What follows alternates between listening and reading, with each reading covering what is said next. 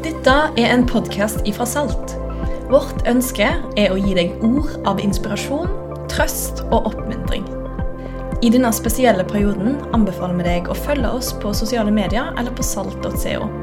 Der vil du kunne delta på online gudstjenester og andre samlinger. Du er hjertelig velkommen.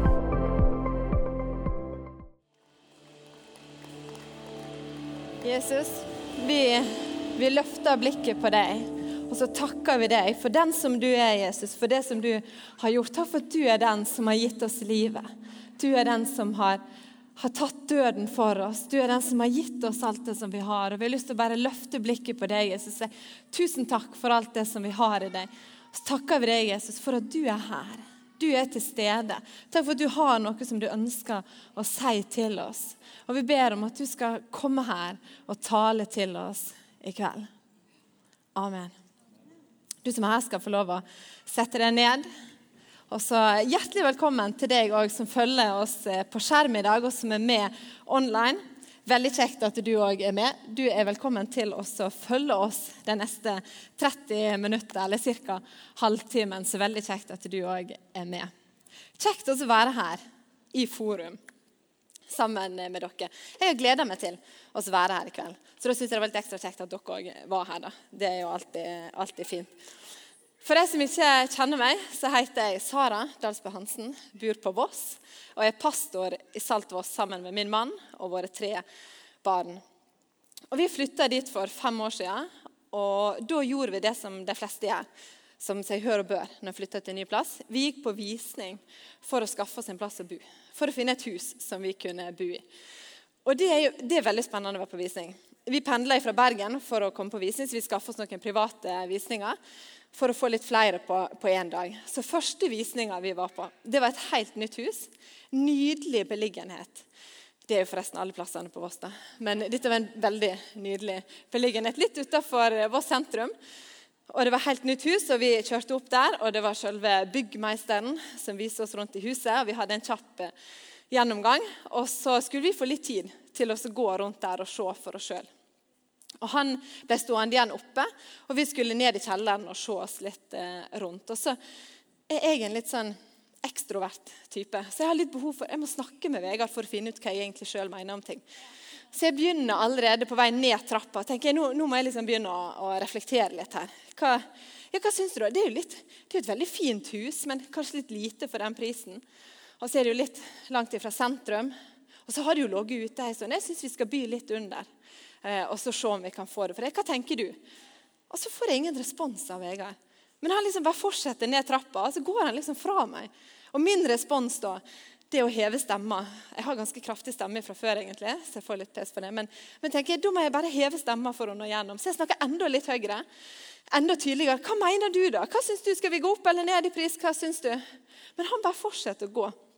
Og Til slutt så hadde han havna helt inn på tekniske rom.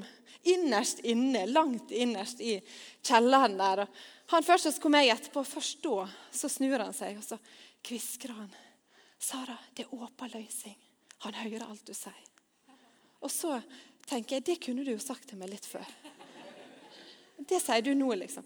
Så jeg gikk litt sånn halvflau ut i bilen igjen. Vi kjøpte ikke det huset. Men vi hadde flere visninger som vi skulle på, så vi rulla videre til neste inn på parkeringsplassen der. Sveiva ned rutene på vår eh, grønne karavelle fra 1999. Og der er det sånn at Når de karavellene blir litt gamle, så blir ofte håndtakene på dørene litt dårlige. Så vi må liksom ned med rutene for å åpne, åpne døra. Nå, nå, var ikke det sveiving, da. Vi har faktisk sånn trykknapp. Så vi trykte ned ruta og åpna døra og ut med vår eh, første, eller eldste datter, som er et halvt år. da, og bort der og så helse på han som skal vise oss rundt på den visninga her. Og i det jeg tar han i handa, så går det opp for oss at det her er ikke et hus. Er jo, vi står midt i et hyttefelt. Vi er jo på visning på ei hytte. Ei hytte som er dyrere enn det vi egentlig var villige til å gi for et hus. Og I den situasjonen så har vi heldigvis en felles respons, og vår felles respons er at vi må bare late som. Jeg tippa jo han skjønte når han så karavellen fra forrige årtusen, at de er sannsynligvis ikke riktige folk til denne hytta. her. Men vi liksom jatter med og går med han rundt den her og forteller at ja, vi bor i Bergen, men vi syns Voss er utrolig flott, så vi har jo lyst til å være her en del. og Vi sier ingenting om at vi skulle flytte. Og så var det en kjapp eh, omvisning før vi takka for oss og sa at eh, vi må tenke litt på det. Og så skal vi komme tilbake hvis det blir aktuelt. Og så eh, kjørte vi derifra. Så hvis du er på jakt etter hus, eller holder på med det, så sier jeg bare lykke til. Det, det kan gå bra. Og det er et under. og kan, Mitt vitnesbyrd er at vi er heldige eiere av et hus på Voss i dag. Det er jeg glad for å kunne si. Og det, vi er veldig fornøyd med det. Så det kan gå bra. Men poenget mitt er at responsen vår i veldig mange situasjoner, iallfall min respons, er ofte spontan, lite gjennomtenkt, lite reflektert. Men den gode budskapen som jeg har å komme med i kveld, det er at det går an å ha et mer reflektert forhold. Et mer bevisst forhold til hva en ønsker skal være responsen sin i de ulike situasjonene. Så hvis du følger med noen minutter nå, så skal du få hemmeligheten. Er du klar for det? Ja, så bra. Du, jeg skal begynne med å ta det med 2000 år tilbake i tid. Jesus er ute og går på stranda, og han går langs Galileasjøen. Og Der så møter han på fiskerbrødrene Simon og Andreas. Og Så går han bort til dem og så sier han det som har blitt litt sånn kjente ord. Følg meg, så skal jeg gjøre dere til menneskefiskere. Og så er responsen til Simon og Andreas at jeg slipper det de har i hendene. Og så går de fra det de holdt på med, og så følger de etter Jesus. Og Så går jeg litt videre bortover stranda den dagen, og så treffer jeg på to nye brødre, Jakob og Johannes. Og Så går Jesus bort til dem og sier det samme. Følg meg. Og så er responsen der og den samme. Det går ifra. De satt i båten og bøtte garnene sine, men det går ifra det. Og så følger de Jesus. Og Så kan vi senere lese om at Jesus går i gatene, og så får han øye på en som heter Matteus, som sitter utafor tollbua si. Og Så går han bort og sier, 'Følg meg'. Og så står det så enkelt etterpå. Da reiste han seg og fulgte etter han. Punktum. Og så tenker jeg Responsen blant de første etterfølgerne til Jesus virka å være så enkel, så rett fram. De bare slapp det de hadde i hendene, og så bare fulgte de etter Jesus. Og så fulgte de dit han gikk. De gikk i fotsporene hans, og så hørte de på det som han sa, og så så de det som han gjorde. Og så lette de etter, så lærte de han hvordan de skulle leve livet sine. Og så lurer jeg på hvordan ser det ut å være en etterfølger i dag, da? Vi kan ikke bare slippe ting og følge etter han. Vi, noen, vi, kan ikke fysisk følge etter Jesus. Men hvordan ser det ut å være et helt vanlig menneske som følger etter Jesus i 2020? Hva er det som er vår respons til han? Vi skal gå til eh, dagens tekst, som er i Efeserbrevet. Så hvis du har med din bibel, så kan du slå opp i Efeserbrevet 3. Og Det er en av Paulus sine bønner i Efeserbrevet. Og det er min bønn i dag. At den bønnen skal treffe våre hjerter og vekke lengselen og iveren vår etter å følge etter Jesus gjennom livet. Og Vi leser ifra vers 14. Derfor bøyer jeg mine kne for Far. Han som har gitt navn til alt som heter Far i himmel og på jord. Må Han som er så rik på herligdom, styrke deres indre mennesker med kraft ved sin ande. Må Kristus ta bostad i hjertet deres ved trua, og det står rotfesta og grunnfesta i kjærleik. Må det sammen med alle de hellige få styrke til å fatte bredde og lengd, høgd og djup, ja, kjenne Kristi kjærleik, som er større enn noen kan forstå. Må det bli oppfylt med hele Guds fylde, Han som verker i oss med si kraft og kan gjøre så uendelig mye mer enn alt det vi ber om og skjønner. Han være ære i forsamlinga og i Kristus Jesus gjennom alle slekter og i alle tider. Paulus begynner bønnen med 'Derfor bøyer jeg mine kne for Far'. Hvis du leser The Message-oversettelsen, så står der eh, så skriver han «My response is to get down on my knees before the Father». Min respons er Og Vi skjønner at den bønnen her står ikke for seg sjøl, men det har begynt en helt annen plass. Og det har begynt med det som Paulus skriver i begynnelsen av Efeserbrevet. Og Hvis vi leser kapittel 1 og 2 og litt ut i kapittel 3, så ser vi at det er en nydelig forkynnelse av hvem Jesus er. Hva han har gitt oss, hvem han er, og hva han har gjort. Og Jeg har lyst til å oppmuntre deg i dag til å lese de kapitlene. for deg sjøl når du kommer hjem. Sakte nok til at du faktisk får med deg det som står der. Men du skal uansett få en smakebit av meg her i dag. Men det han skriver, er at i Kristus så er vi velsigna. I Kristus er vi utvalgt. I Kristus er vi elska. I Han har vi fått fridom. Så er vi tilgitt og har fått nåde. I Han er vi frelst. I Han har vi fått fred.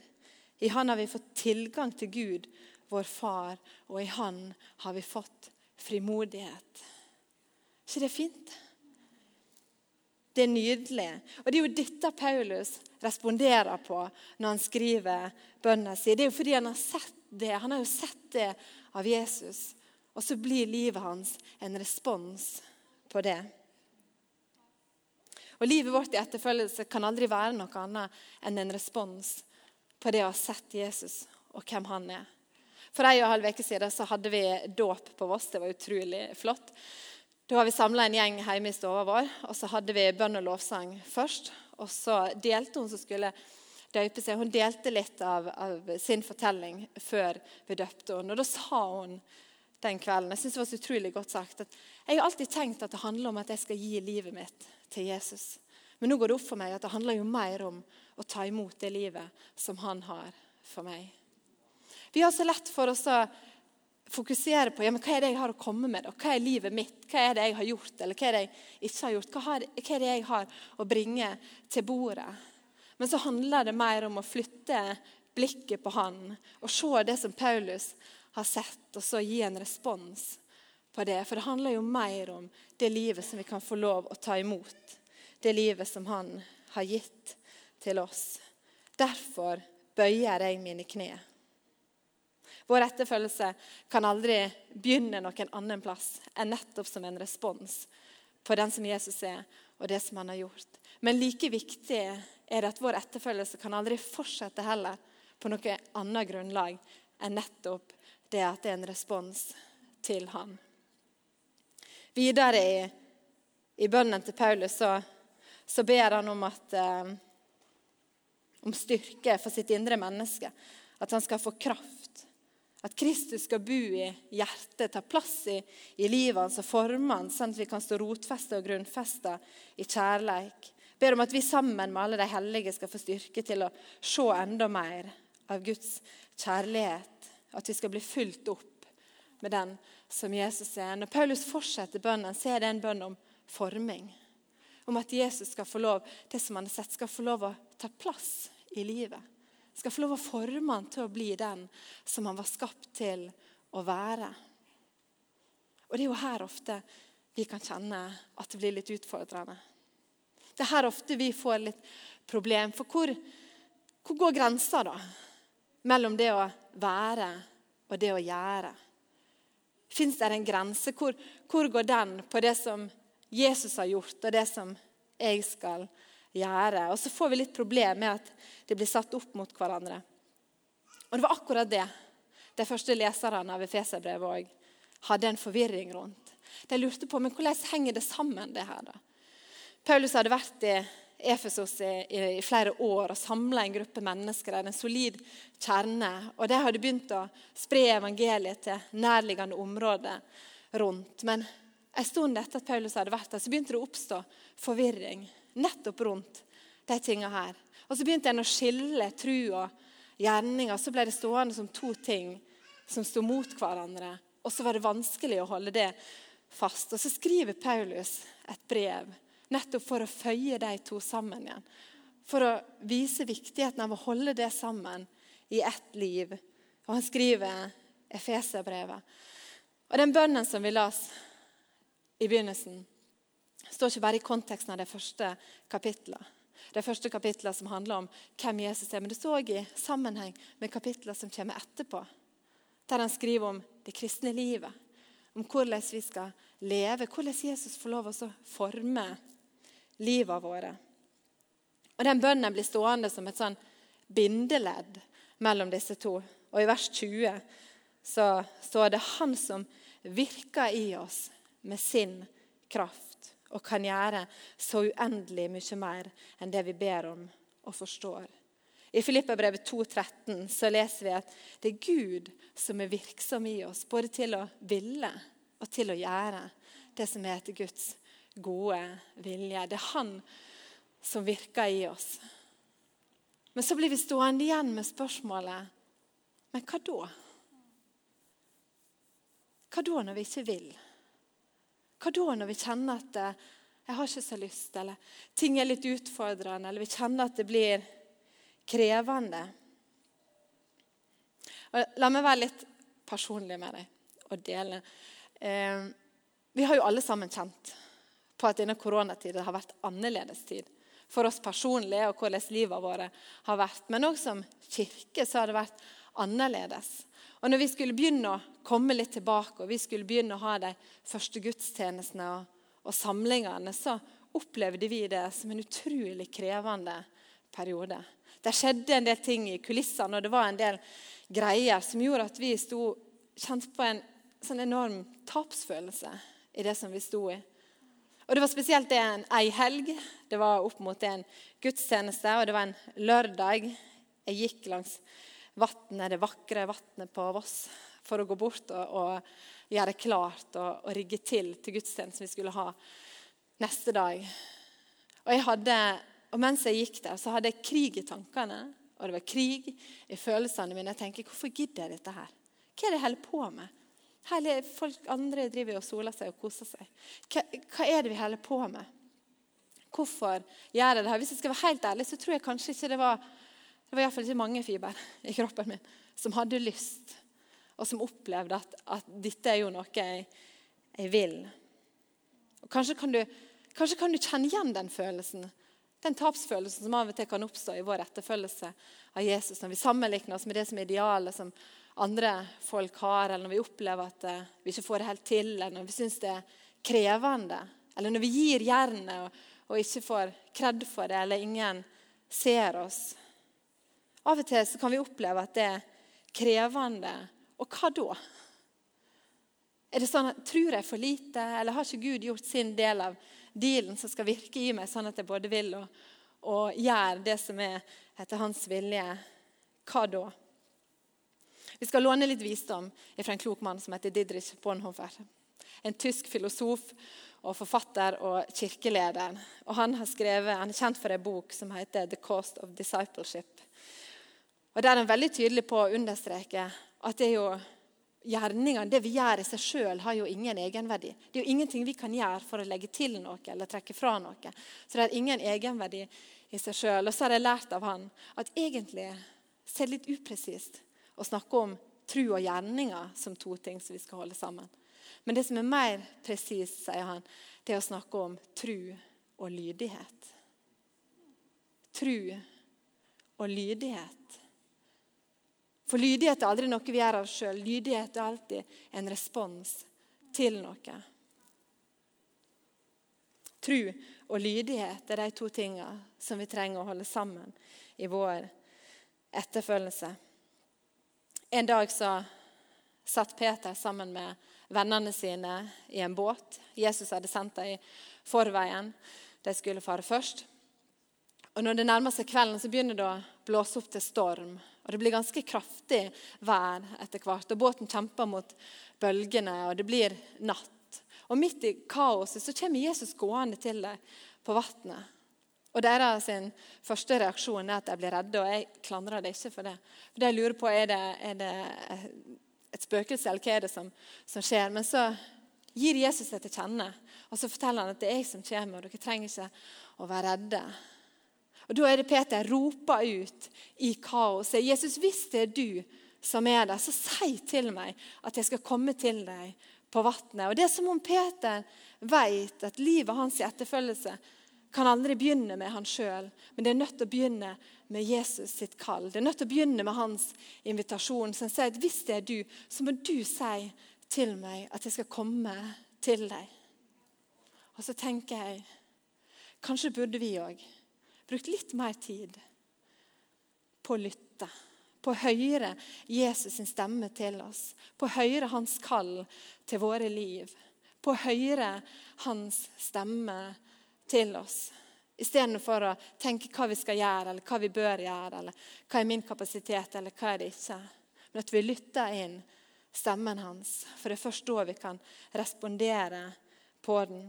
Kanskje burde vi sette oss litt oftere i båten sammen med Peter og sier, Jesus, hvis du er i dette, hvis du er der, så må jeg få lov å høre din stemme, så må jeg få høre ditt kall til meg, sånn at jeg kan få lov å gå på det.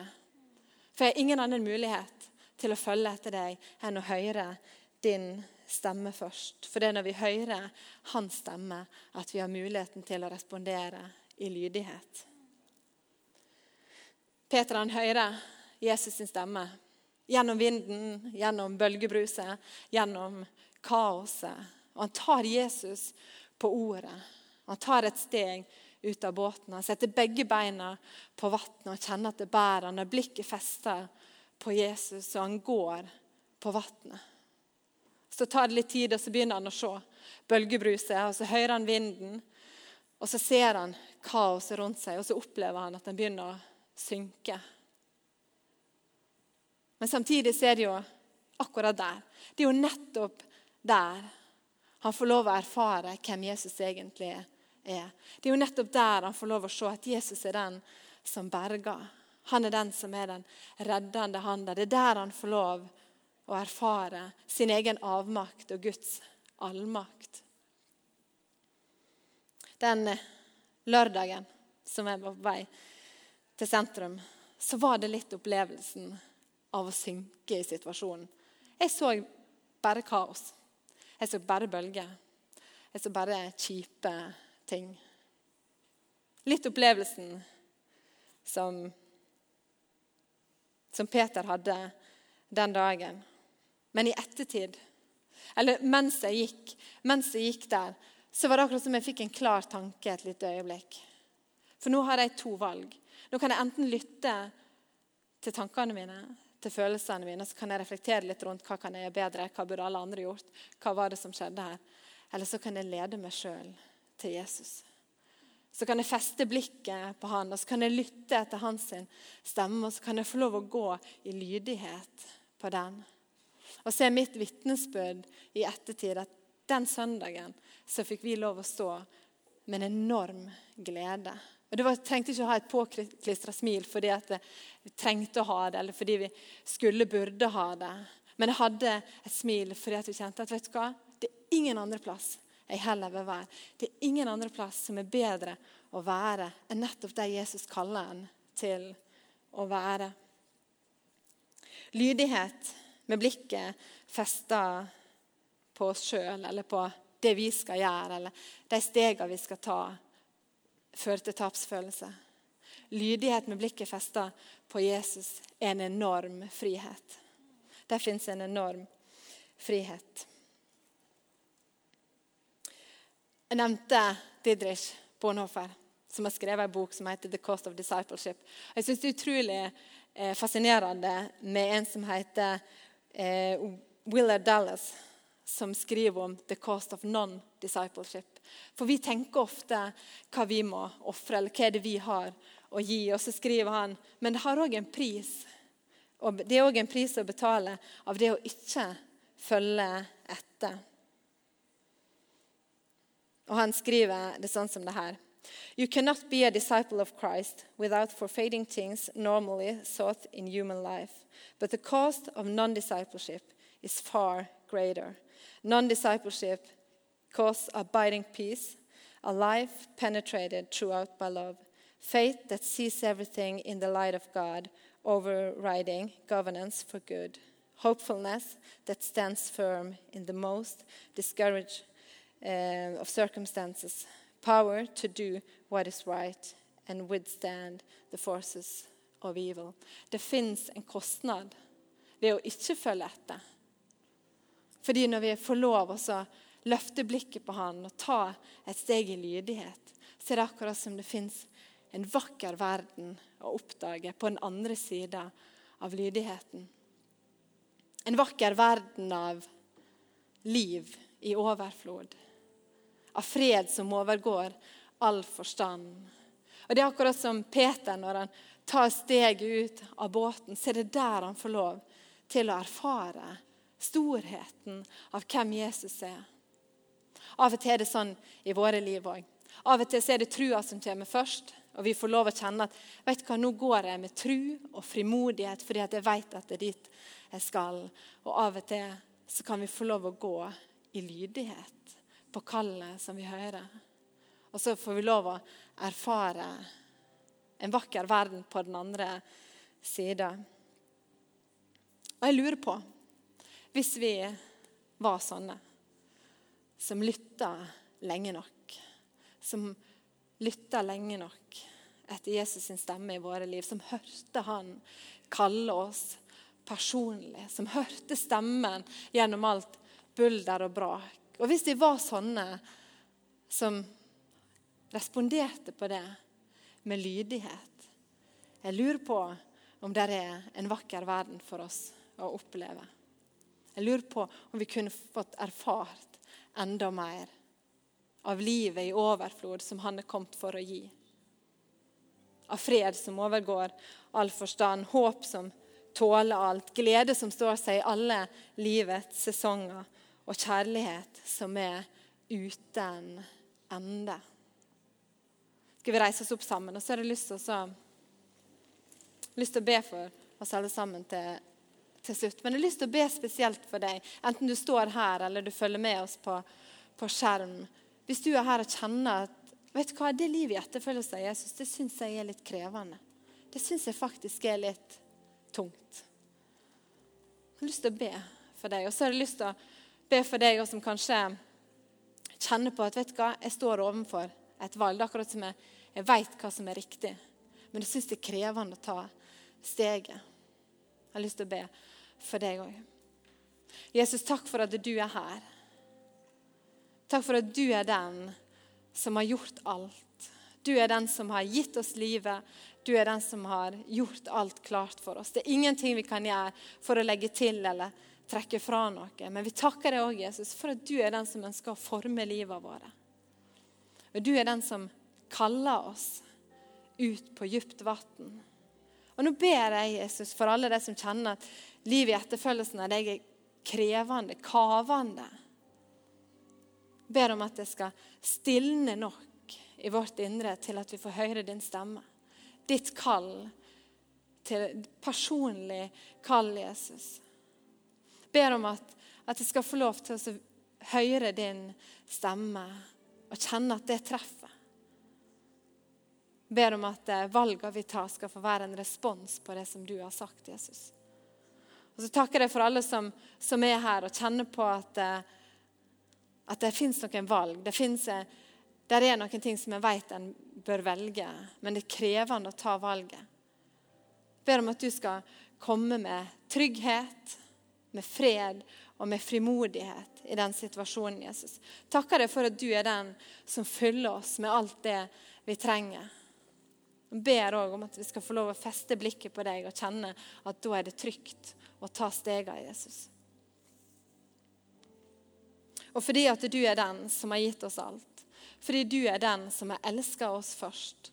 Fordi du er den som har gjort alt klart, Jesus. Så ber vi sammen med Paulus, så er det vår respons at vi bøyer oss for deg, du som er far. Og du som har gitt navn til alt som er far på himmel og på jord. Vi ber om at du må styrke vårt indre menneske med kraft ved din ånd Vi ber om at du, Jesus, skal bo i hjertet vårt, skal ta plass i livet vårt, sånn at vi kan kjenne at vi står stødig, at vi står rotfesta og grunnfesta i kjærlighet, Jesus. Vi Ber om at vi sammen som kirke, sammen som fellesskap, skal få lov til å fatte enda mer av høgde, lengde, bredd og dybden. At vi skal få lov å kjenne din kjærlighet personlig. Ber om at vi alle sammen skal bli fulgt opp med din fylde. Du som virker i oss, Jesus, med din kraft. Og du som kan gjøre så uendelig masse mer enn det vi ber om og forstår. Takk, Jesus, for at du møter oss. Takk for at du treffer oss i livet akkurat der som vi er. Og takk for at du har et personlig kall til oss alle sammen. En personlig stemme som vi kan få lov å høre gjennom hele livet. Takk for at det ikke bare er engangs, men du er der gjennom hele livet. Takker deg for det, Jesus. Amen.